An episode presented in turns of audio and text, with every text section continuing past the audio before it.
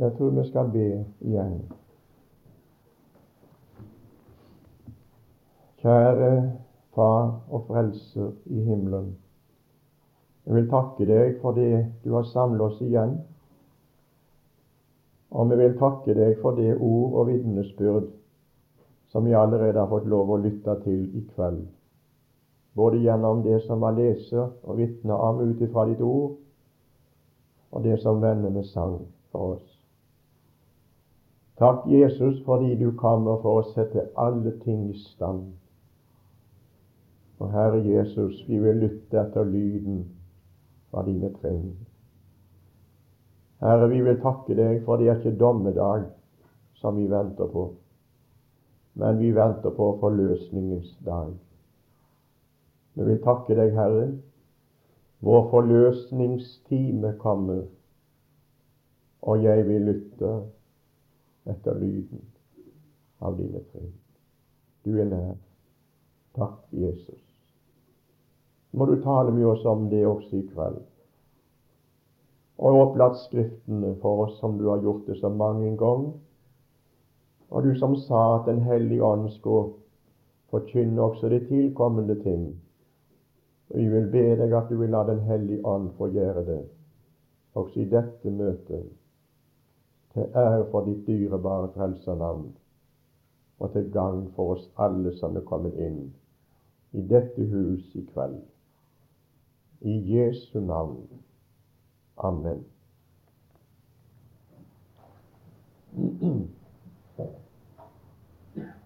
Vi har i disse kveldene vi har vært samla,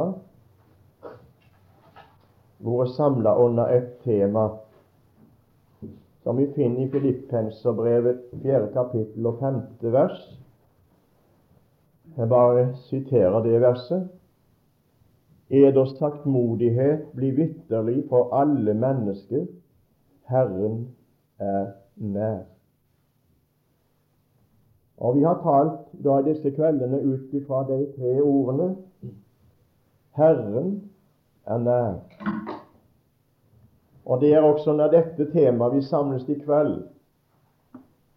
Og det er om disse ting vi skal prøve å stanse litt for også i dette møtet. Nå er det et spørsmål som alltid har opptatt kristenfolket ned gjennom tidene. Og ikke minst i vår tid er det et veldig spørsmål for mange.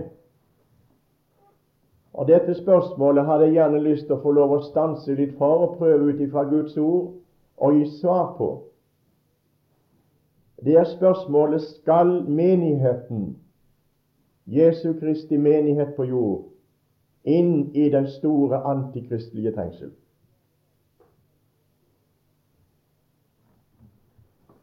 Det vil jeg gjerne her i kveld få prøve å stanse litt for ut ifra Guds ord og Her forstår vi med en gang at vi er inne på et område som sikkert er nokså uklart for mange. Men om Gud kunne nå i denne stund ved sin Hellige Ånd gjennom sitt ord få lov å vise oss det som er sant, og at vi er villige å godta det. Ikke fordi jeg sier det, men fordi Guds ord sier det. Og det er den som kan overbevise. Det er Ånden som kan overbevise. Det blir ikke spørsmål om hva den har sagt, eller den som har sagt, eller hin har sagt. Men det som blir spørsmål til syvende og sist når det gjelder både frelsen og saligheten, og alt som har med det å gjøre, det er hva sier Guds ord. Og Det er der vi må prøve å få lys. Og det er der vi kan få lys. For det står det at Den hellige ånd, står det i min bibel, han skal lære dere om alle ting. Om alle ting. Først vil jeg gjerne få si det her at det er jo Når vi taler om trengsel, da er det jo trengsel på mange måter. Og vi har jo hørt det har blitt forkynt at, at når det tales om trengsel i Bibelen, i alle betydninger det tales om trengsel, så er det den trengsel som menneskeslekten må gå gjennom som menneskeslekt. Det er dette her at vi opplever det sykdom og nød og død og fattigdom og elendighet og alt dette som vi opplever som mennesker. Og det er vel mange menn, mange som sier det at når det står trengsel, så skal det være det. For eksempel blir det sagt om åpenbaringen 7, der det står om den store, hvite skare, som er martyrskaren. Vi kan forstå det, det må vi vel være klar over, at det ikke er menigheten. Men det er martyrskaren av hedninger som blir frelst i den store trengselen. Som Israel, som de 144 000 beseglede tjenere, gudstjenere. Bare les kapittel 7. Har fått vært med og vunnet. Det står om disse de kommer ut av den store trengsel. Og det blir mange ganger at det blir sagt det at ja vel, den store trengsel, det er altså menigheten som kommer ut ifra den verslige situasjonen, ifra en verden full av trengsel. Eller som vi synger i en sang der er en vei så full av trengsel, en tårevei så tung og lang, men hen at veien lyder sang. Det er det som er mange sin, sin innbilning og tru på det. Når det gjelder trengselen, den store trengsel, så er det faktisk talt dette som har med vårt menneskeliv å gjøre. Men det vil jeg gjerne få lov å påpeke her i kveld, kjære venner. Det er ikke det som Bibelen kaller for den store trengselen. For saken er nemlig den at det kan være mange slags trengsler både et vestlig menneske og et ufrelst et, et kristent menneske kan gå igjennom, som slettes ikke har noen forferdelige følger med seg. Jeg tenker f.eks. på den kristne sin trengsel i, i livet og i menneskelivet. Da Paulus sier f.eks. det ro, Vi roser oss av våre trengsler, sier han i Rombrevet 5. For trengselen virker tålmodighet, og tålmodigheten er prøvet sin, osv. Jeg er vel til mote i trengsel og i, i, i, lidelse og i prøvelse, sier han i 2. Korinterbrev 12. Vel til mote. Fordi det var ikke noe galt å komme inn i trengsel for Jesu navns skyld. Og det var heller ikke noe galt når trengselen førte til et resultat som kunne være til gagn for ham. Trengselen virker tålmodighet. Nei, når vi skal tale om den store trengselen som Bibelen taler om, skal skje og skal komme over denne jord, da er det en spesiell trengsel. Og Det vil jeg gjerne få lov å påpeke og stanse litt for i kveld. Og Vi skal lese nå fra Daniel, det tolvte kapittel. Og Har du Bibelen med deg nå, så vær med og slå opp. Og så skal vi lese der det første verset bare i nå innledningsvis i kveld. Og vi vil også lese fra åpenbaringen, det tredje kapittel, og tiende og ellevte vers. Men først i Daniel 12. På den tid skal Mikael stå frem, den store fyrste som verner om ditt folks barn. Og det skal komme en trengselstid som det ikke har vært fra den dag noe folk Legg merke til som det, den, eh, som det, ikke har vært fra den dag noe folk ble til. Ja, det må være noe forferdelig. Og like til den tid.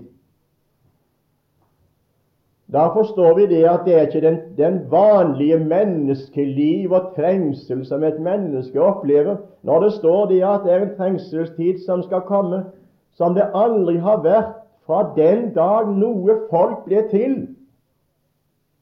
Da forstår vi det alle sammen at det må være noe forferdelige.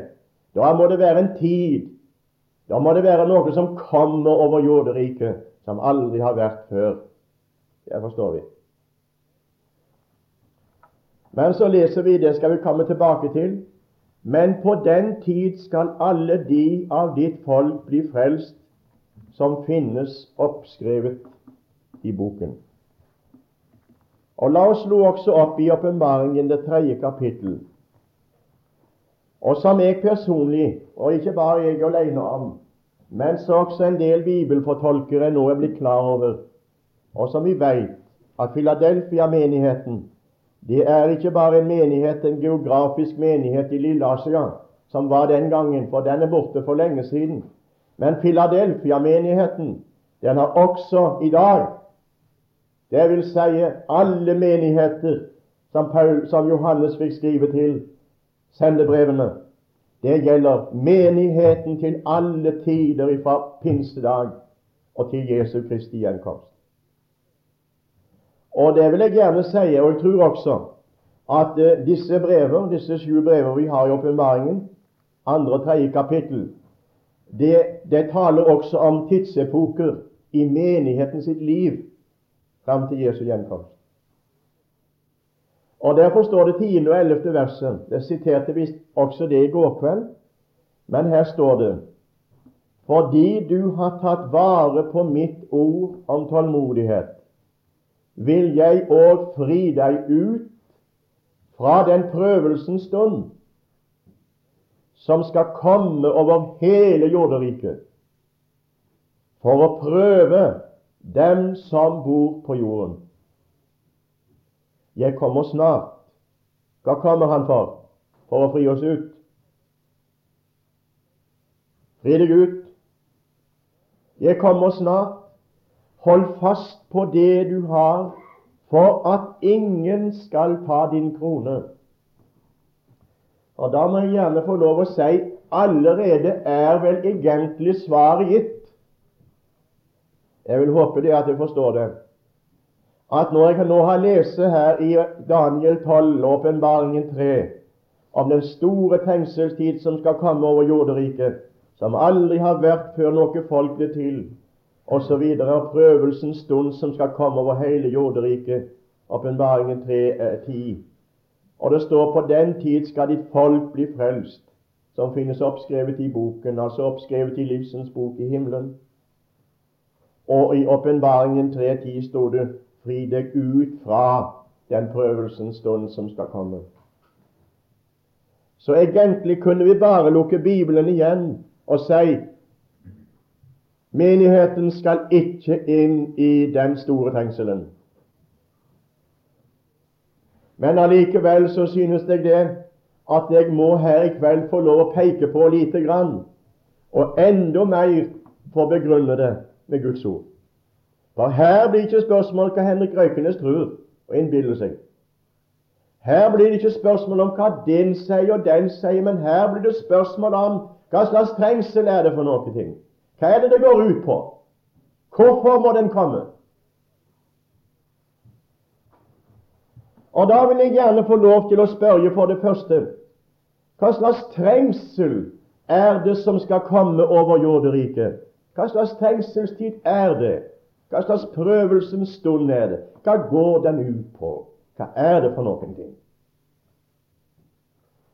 Da vil jeg gjerne få nevne tre ting om denne situasjonen som da skal komme. Og jeg vil gjerne få lov til å be deg at du er med og leser i Bibelen, og kanskje også du understreker det i Bibelen din og Nytestamentet ditt, det som vi nå leser. Første vi skal slå opp i, det er 2. Tessaloniker 2. Jeg må gjerne få si det fordi at her er veldig mange mennesker som går omkring, kristne mennesker som går omkring og virkelig er redd for Jesu gjenkomst. Redd fordi at de ikke skal kunne makte og klare å komme igjennom og bli stående når Jesus kommer. Og når antikristens alvorlige trengsler setter inn over jord, så er de redd for at det skal falle ifra og ikke nå himmelen. Jeg vil gjerne få lov å spørre er den, er den redselen begrunna hvis vi skal bort herfra før en den setter inn? Da engster vi oss for noe som ikke vil komme, da. Vi skal lese ifra han til Saloniker 2, og vi leser fra det første verset.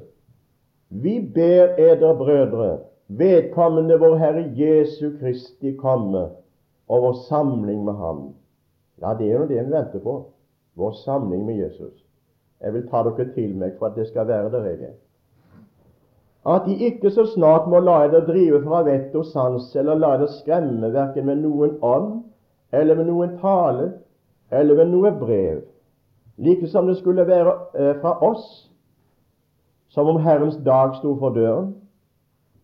La ingen dåreder på noen måte, for først må frafallet komme, og syndens menneske åpenbares, fortapelsens sønn, han som står imot og opphøyer seg over alt som kalles Gud eller helligdom.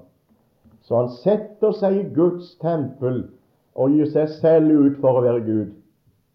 Minnes dere ikke at jeg sa eder dette da jeg var hos dere? Og nå vet dere hva som holder igjen. Så han først skal åpenbares i sin tid. Jeg vil be deg understreke, eller se på det sjette verset, at tesalonikerne var ikke i tvil om at Paulus hadde forkynt for deg at det er noe som holder igjen for at ikke Antikrist skal komme. Legg merke til det. Det er noe som holder igjen. At han først skal åpenbares i sin tid. Og det må ikke tro at det er Jesu åpenbarelse her tales det om, for her tales det om antikristens åpenbarelse. Det er det det tales om her. Nå vet dere hva som holder igjen. Og før en det er vekke, kan han ikke åpenbares. Han kan ikke komme før. Så han først skal åpenbares i sin tid. For lovløshetens hemmelighet er alt virksom, bare at den som nu holder igjen, ryddes av veien. Og da skal den lovløse åpenbares, han som den Herre Jesus skal fortære med sin munns ånde og gjøre til intet ved åpenbarelsen av sitt komme, ikke for å hente sin brud, men for å komme i eller komme for å opprette sitt rike. Les kapittel 19 i åpenbaringen. Da skal han til intet gjøre Antikrist. Der kan du lite på 20. kapittel, da det store tusenårsriket skal komme. Men la meg bare få lov å sitere her. Eh, det står slik Han skal gjøre han til intet ved åpenbarelsen av sitt komme, og hans komme skjer.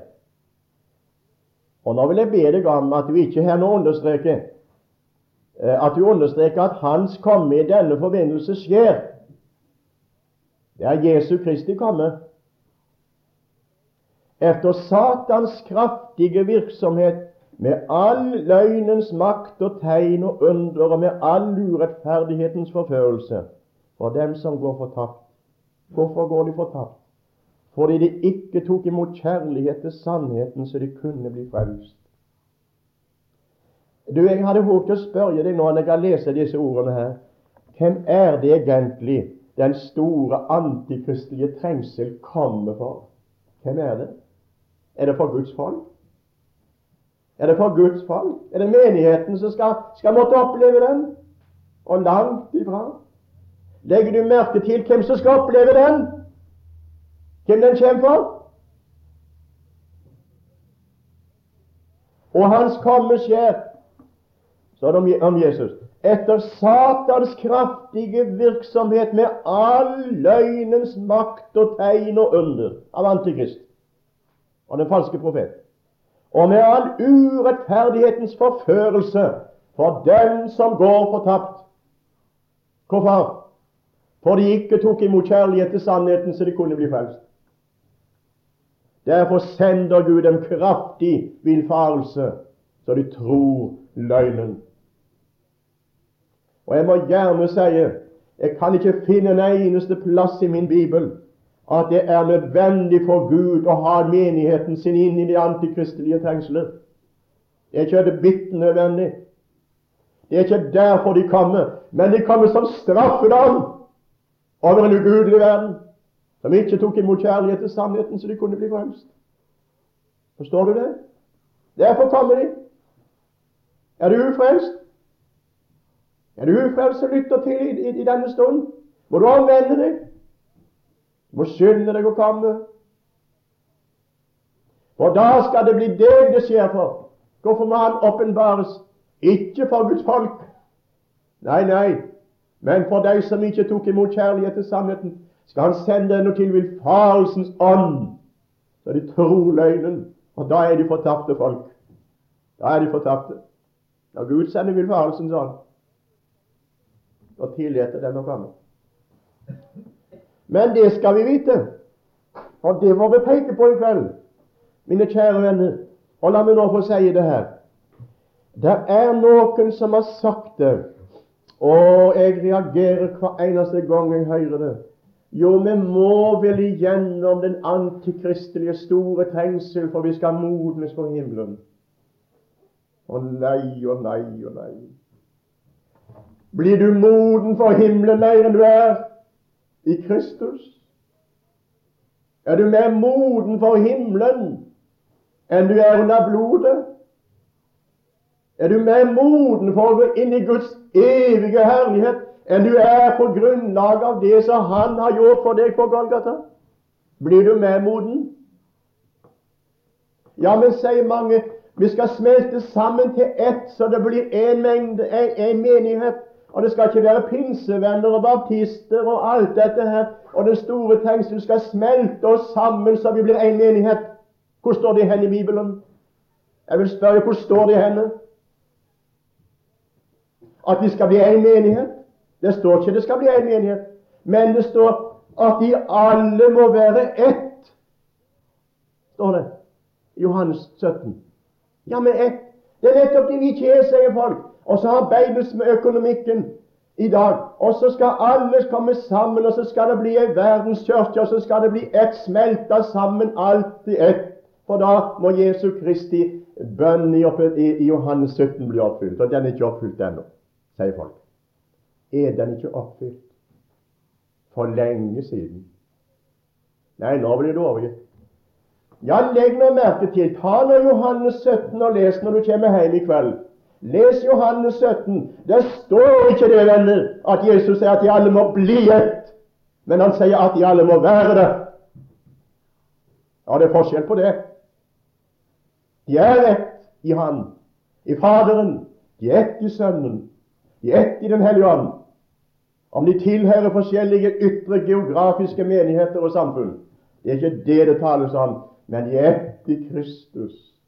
På den samme grunn og det samme blodets rensende kraft.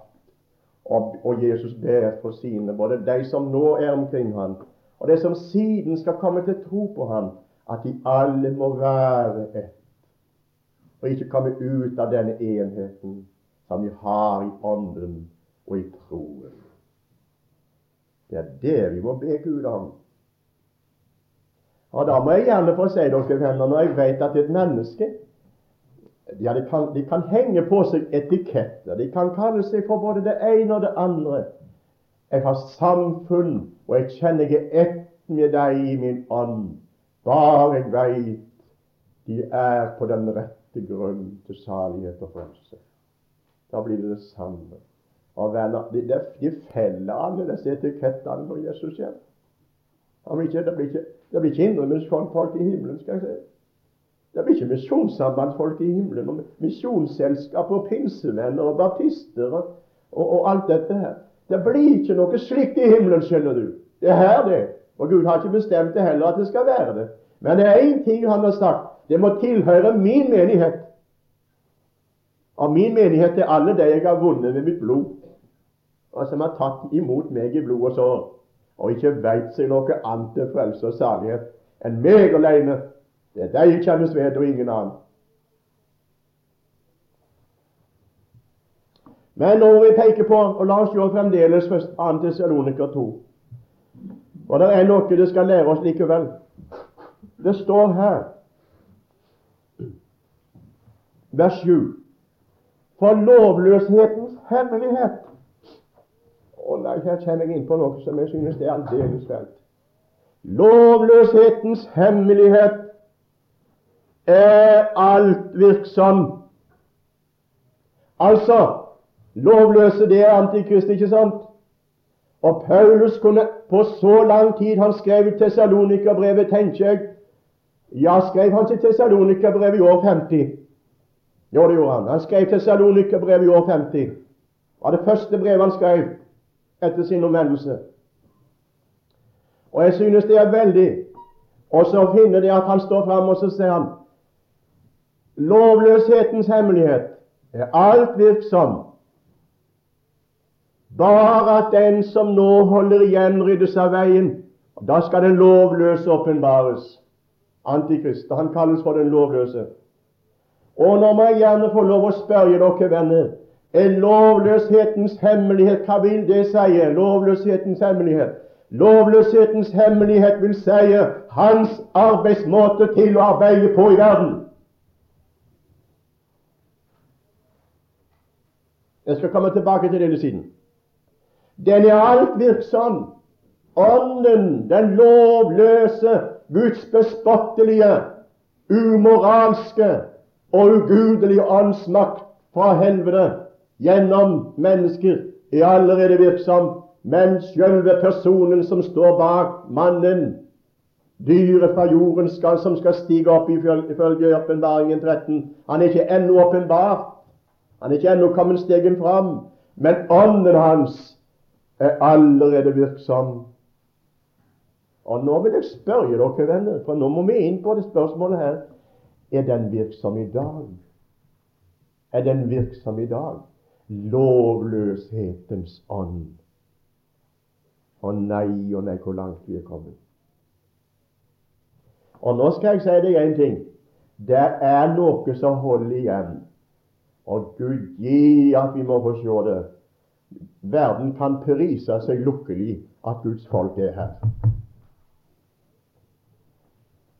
Og jeg vil gjerne si det i kveld at de som ikke er frelst, må takke. Om ikke de kan takke av hjertet, så må de iallfall se stort på at det er et folk i denne verden som heter Guds folk, som ennå ikke er tatt herfra. Når, de, når de blir tatt bort, så blir det kristne lovverket fjerna. Så blir det moralske lover fjerna. Og så blir alt som nå holder igjen, og som enda står i veien, at ikke antikristens lovløse åndsmakt får gripe inn. Det står ennå i veien. Du, med, med, med, det står om Jesus, han sier det at dere skal være jordens salt. Nei, det står det ikke i min bibel. Det står dere er det når er jorden salt. Og Nå skal ikke du gå her og tenke som slik at ja, men er saltet midt i orden, da? Du hører en ting. Det blir ikke spørsmål om det i dette forbindelse. Det er bare spørsmål så lenge du er på jorden, er du saltet. Du skjønner, da holder det igjen. Gud kan ikke sende antikristens straffedom over jorden før en han har tatt bort dette saltet som ennå er kristne igjen i denne verden. Om saltet er dårlig eller svakt, det kan ikke komme inn på i kveld. Det kunne vært bedre. Det kunne det. Vi kunne hevda mer og stått mer ham og så talt imot all råttenskap og lovløshet. Det kunne vi vel og umoral. Men så lenge vi er her, så er vi salt likevel i denne verden. Bare det som nå holder oss igjen, holder igjen, blir ryddet av veien, da åpenbares han. Da skal den lovløse åpenbares. Og Jeg må gjerne si det her i kveld at det er vidunderlig for meg personlig å kunne få lov å peke på det for mitt egen del. Og jeg tror det fullt ut at det blir ikke noen ting av antikristens grusomme trengsler for han, er, han, han åpenbares først etter at det ryddes av veien, det som holder igjen. Men at lovløshetens hemmelighet og virksomhet er så kraftig, ja, det er den. Og den er så kraftig som aldri før. Skal jeg ta et eksempel? En av våre en forkynner her i landet kom ut fra et lokal. Jeg vil ikke se hvor det var henne. Han eh, hadde holdt møte der. Der kommer en hel gjeng med, med langhåra gutter av den verste typen. De kalte seg for suffere. Og Gud bevare oss ifra den ånden som er i de folkene. Det kan jeg gjerne si om jeg så jeg hadde talt i hele landet. i kveld. Gud bevare oss. Det var ikke for ingenting at en mann nede i Farsund, en gilde troende skipsreder i Farsund, han sa det en gang, en som har lest mye Bibelen, og, og, og, en meget fin, gudfryktig mann, han sa det. For meg ligger ut å tro at disse, sa han, som går slik så dette her, sa han, det er antikristens fortropper. Så kom predikanten ut. Så samla de seg omkring han, og så beit de tennene i sinnet. Hadde ikke vært på møte engang, men de tålte ikke å se han. Og så knytta de nevene inn imot han og så sa han, ja, venta nå til vi kommer til makten, så skal vi ta hodet av deg. Lovløshetens folk. Lovløshet. Og la meg nå få lov å spørre deg, ser du lovløshetens hemmelighet, hvor den er virksom? Er det lov til snart alt?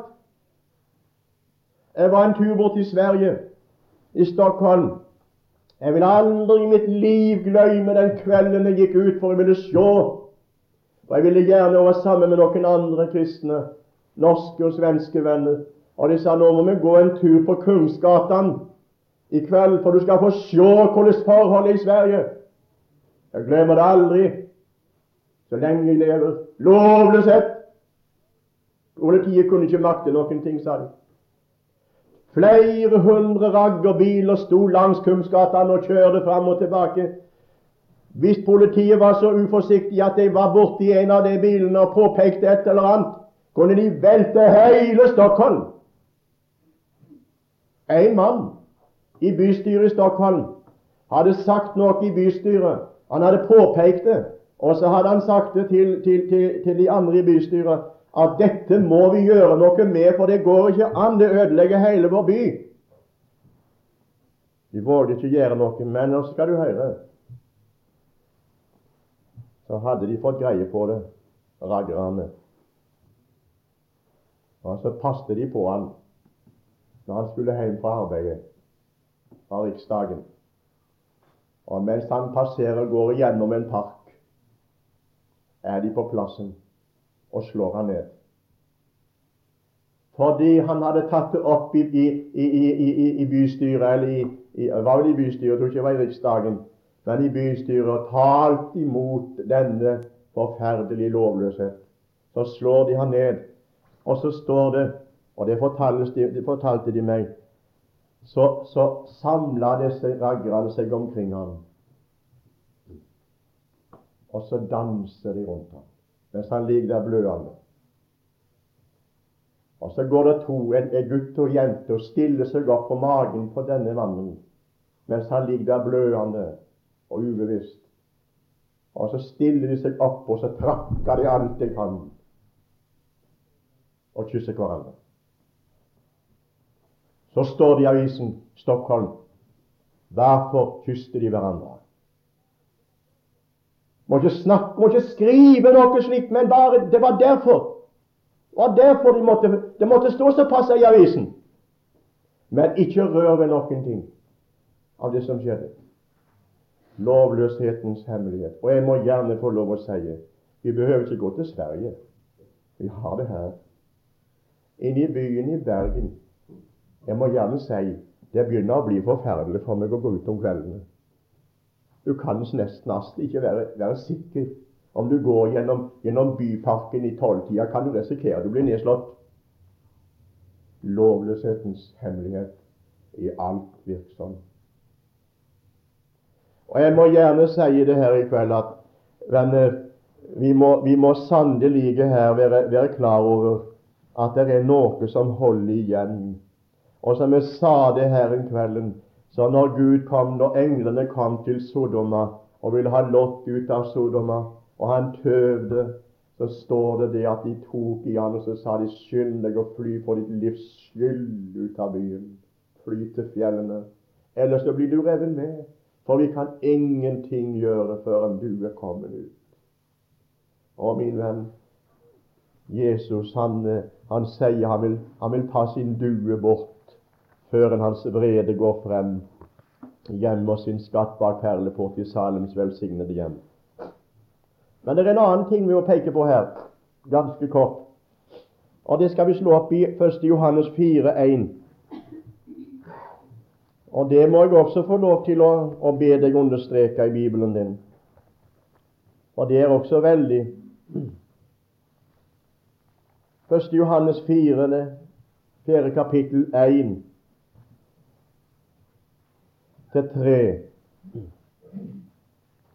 I elskede tro ikke enhver ånd, men prøv åndene om de er av Gud. For mange falske profeter er gått ut i verden. For dette skal dere kjenne, hva, eh, kjenne Guds ånd.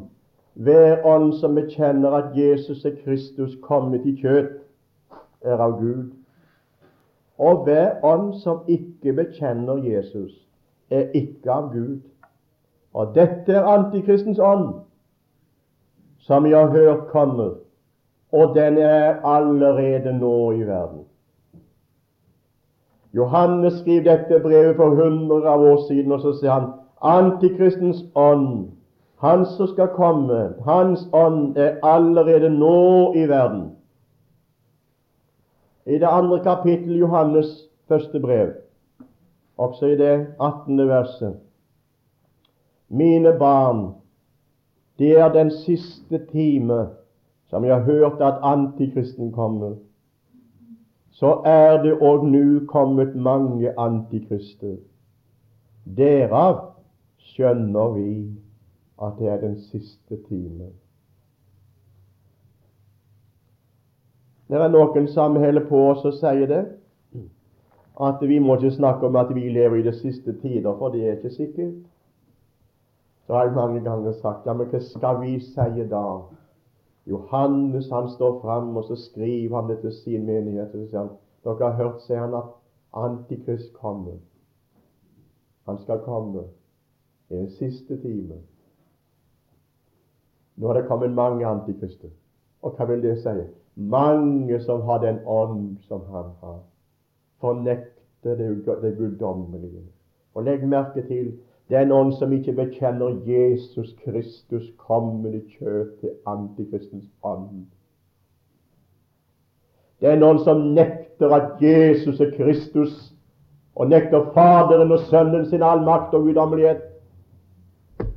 Antikristens ånd. Enten han ber bispekors, eller han ber vanlig drass som predikant. Akkurat det samme. Og jeg må gjerne få lov å si det her i kveld, venner. Vi må være våkne. For saken er nemlig den at, at den, den åndsmakt som er fornektende av de guddommelige sannheter, for ikke å snakke om degraderingen av den Herre Jesus, ned til å være mannen fra Nasaret og ingen annen. Hva slags ånd er det? Antikristens ånd. Antikristens ånd. Jeg har sagt det, eh, fortalt det fra møtet i Bergen. Jeg må få lov å fortelle det. Jeg var hørte på professor Jakob Jervel, jeg skal godt si navnet hans. Og jeg har skrevet også i avisen, jeg sendte et stykke inn til avisen til dagen om det. Men eh, det kom ikke noe svar fra ham. Han vil ikke svare. På et møte i Bergen så står han fram Nei, det var et stykke han hadde skrevet.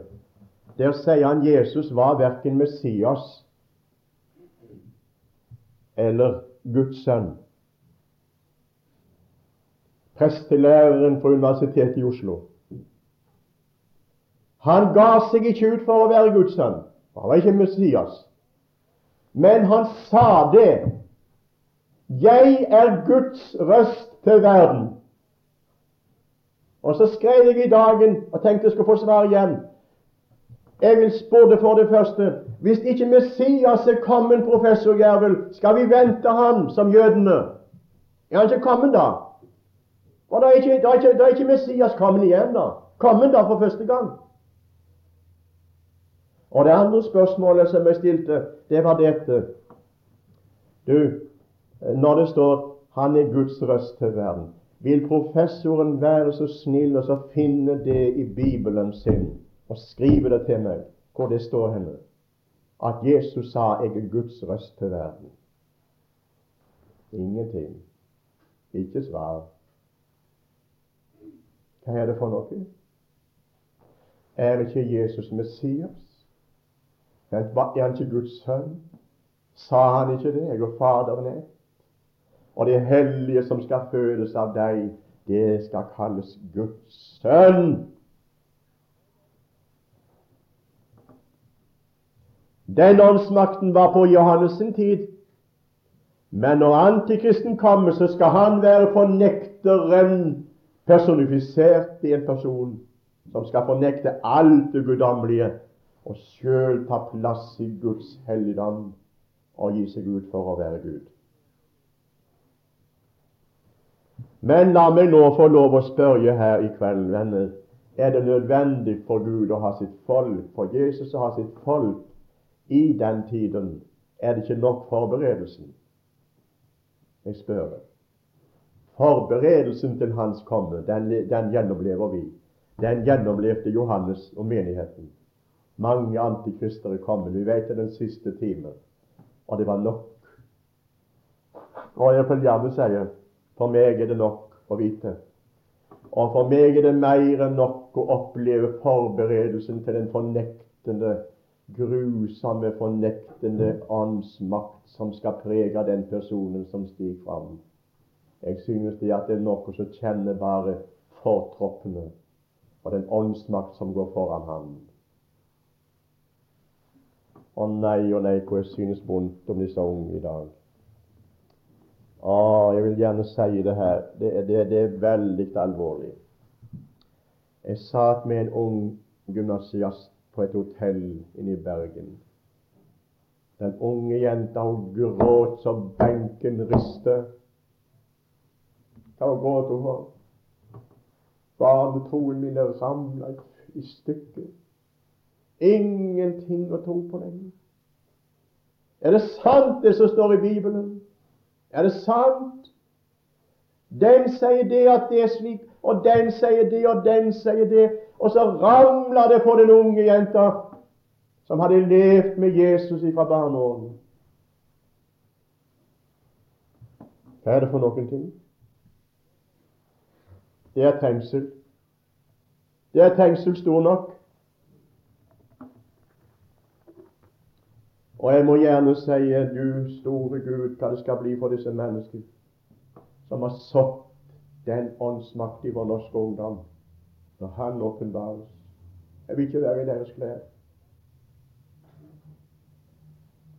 Vær på vakt imot åndsmaktene. Prøv ånden om de av Gud. Det skal prøves på Guds ord, enten det kommer fra Finland eller det kommer fra Universitetet i Oslo, eller hvor som helst. Jeg må stanse ved én ting til. Åpenbaringen 13,8.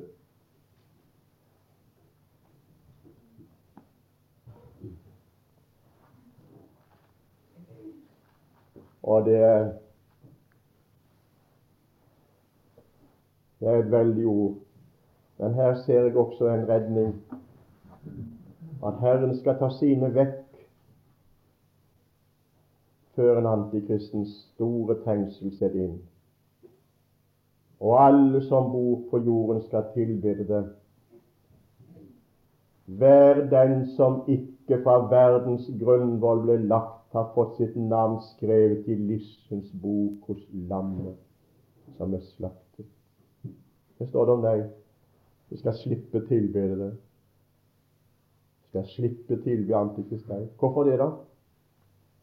Tilbake til Daniel 12.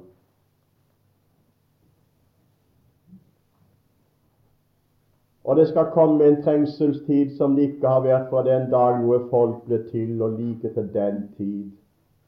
Men på den tid skal alle de av ditt folk bli frelst som finnes oppskrevet i boken. Ser du? Ser du sammenhengen mellom åpenbaringen 13 og Daniel 12? Ser du? Ser du sammenhengen? Alle skal tilbede det, men ikke de som har fått sitt navn skrevet i livsens bok hos lammet. For det er ikke her. De er ikke her. For det har han tatt bort. Legg merke til Daniel 12. Da skal de av ditt folk bli frelst. Hva vil det si? Hentes, tatt bort. Som finnes oppskrevet i boken. Lukas det tiende kapittel. Og vi må ta det med. Å nei, for et vidunderlig Det var ikke for ingenting at Jesus sa det som står der. Lukas det tiende kapittel. Nå skal jeg snart være ferdig, men jeg må, ha, jeg må ta det med.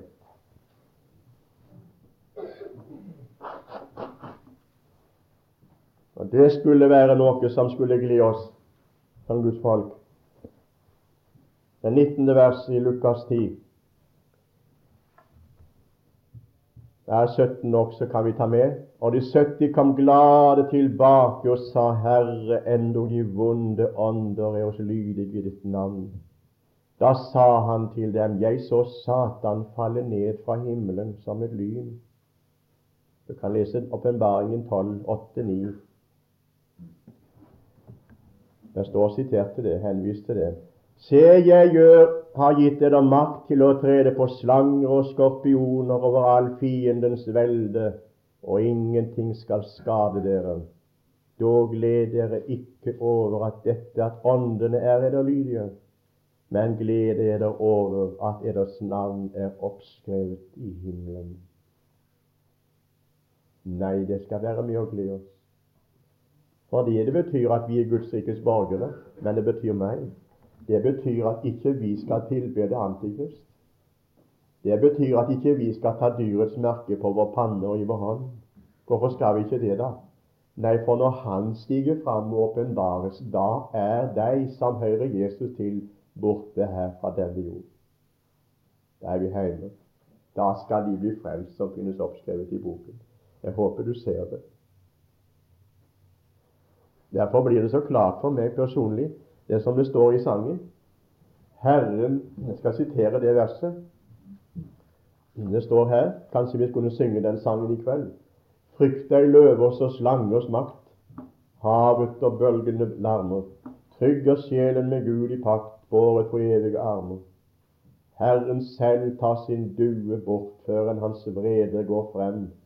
Gjemmer sin skatt bak perleport i Salems velsignede hjem. Vær ikke redd. Vær ikke redd. Har du navnet i livsens bok? Må du legge merke til, også det står i Åpenbaringen 13. Jeg vil be deg om at du understreker det som står i Åpenbaringen 13, hvis du har Nytestamentet med deg. Da skal du understreke et eneste ord. Vær den som ikke fra, står det, verdens grunnlov blir lagd. Det står ikke før. Utvelgelsen i Kristus er før verdens grunnvoll ble lagd, men frelsen fra verdens grunnvoll Det er stor forskjell på det. Før og fra. Og som jeg sa en gang i et møte eh, det var eh, Simon Røksland var på det møtet.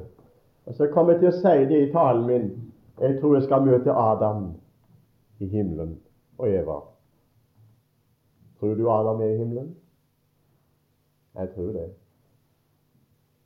Han ble iallfall frelst. Eva også. Ja, Det må vi visst begrunne med Guds ord. Da sa, da, da sa Simon Røksland ja, det er luthersk også, det, sa han. Og du vet jo, Da er det noe så skrekkelig trygt når det er luthersk. vet du. Nei, Luther har sagt mye godt, men det er ikke alt som han har sagt som vi kan si at vi er enig med. Men her står det første, i første Mosebok fire bare kom inn på det nå. Det skulle ikke jeg tale om i kveld, men jeg kom inn på det her når jeg nevner det.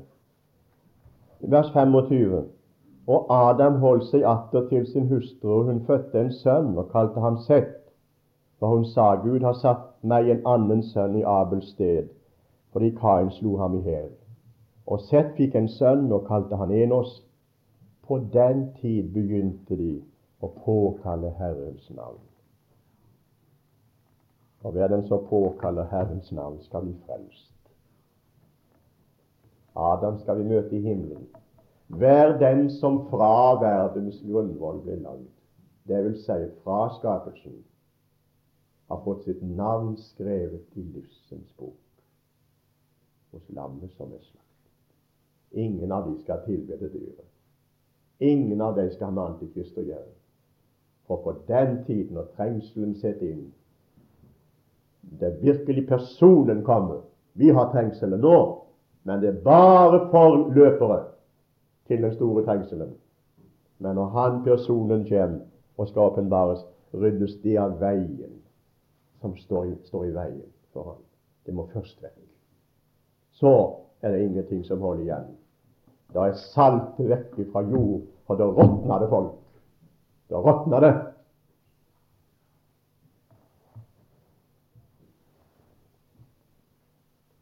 Derfor vil jeg slutte med her i kveld og si det til oss alle sammen som er kommet hit, at vi skal være som menigheten i Tessalonika. Og nå må jeg slutte med å, å, å sitere første Tessalonikerbrev 1.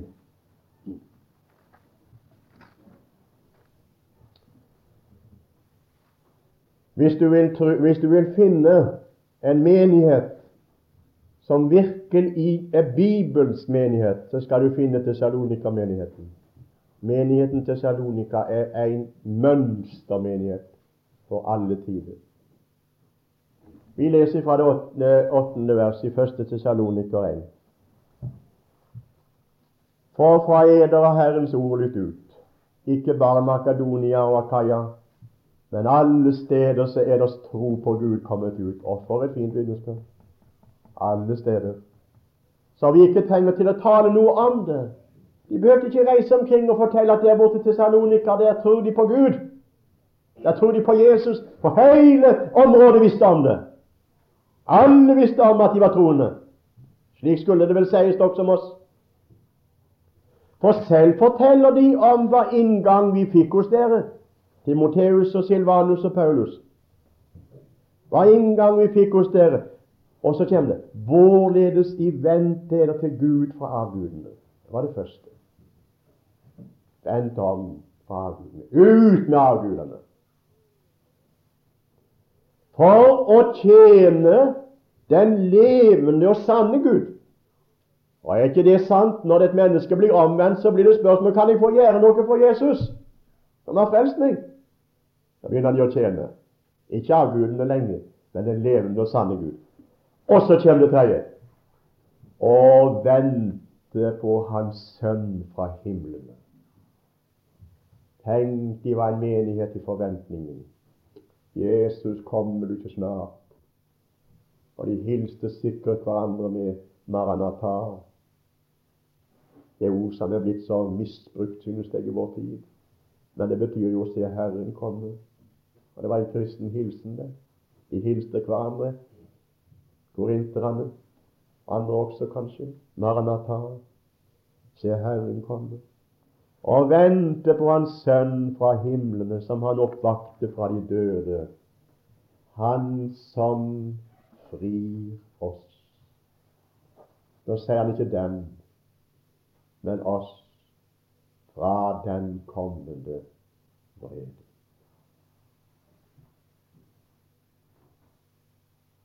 Skal vi gjennom det? Nei. Nei. De holdes igjen. Det er det som holder igjen folk. Og Gud være takk og lov og pris for at vi rettferdiggjort ved Hans nåde og ved Hans blod skal bli frelst fra vreden. Vi blir ikke mer ferdige til å flytte i morgen enn vi er i kveld, hvis vi er i Kristus. Vi blir ikke mer ferdige til å flytte og mer moden for himmelen om to år enn vi er i kveld hvis vi er rettferdiggjort under blodets rensende kraft. Vi er ferdig, vi er rede, vi er moden. Vi er moden til alle tider. Derfor skal ikke antikristens trengsler komme for vår del, for å modne oss for himmelen.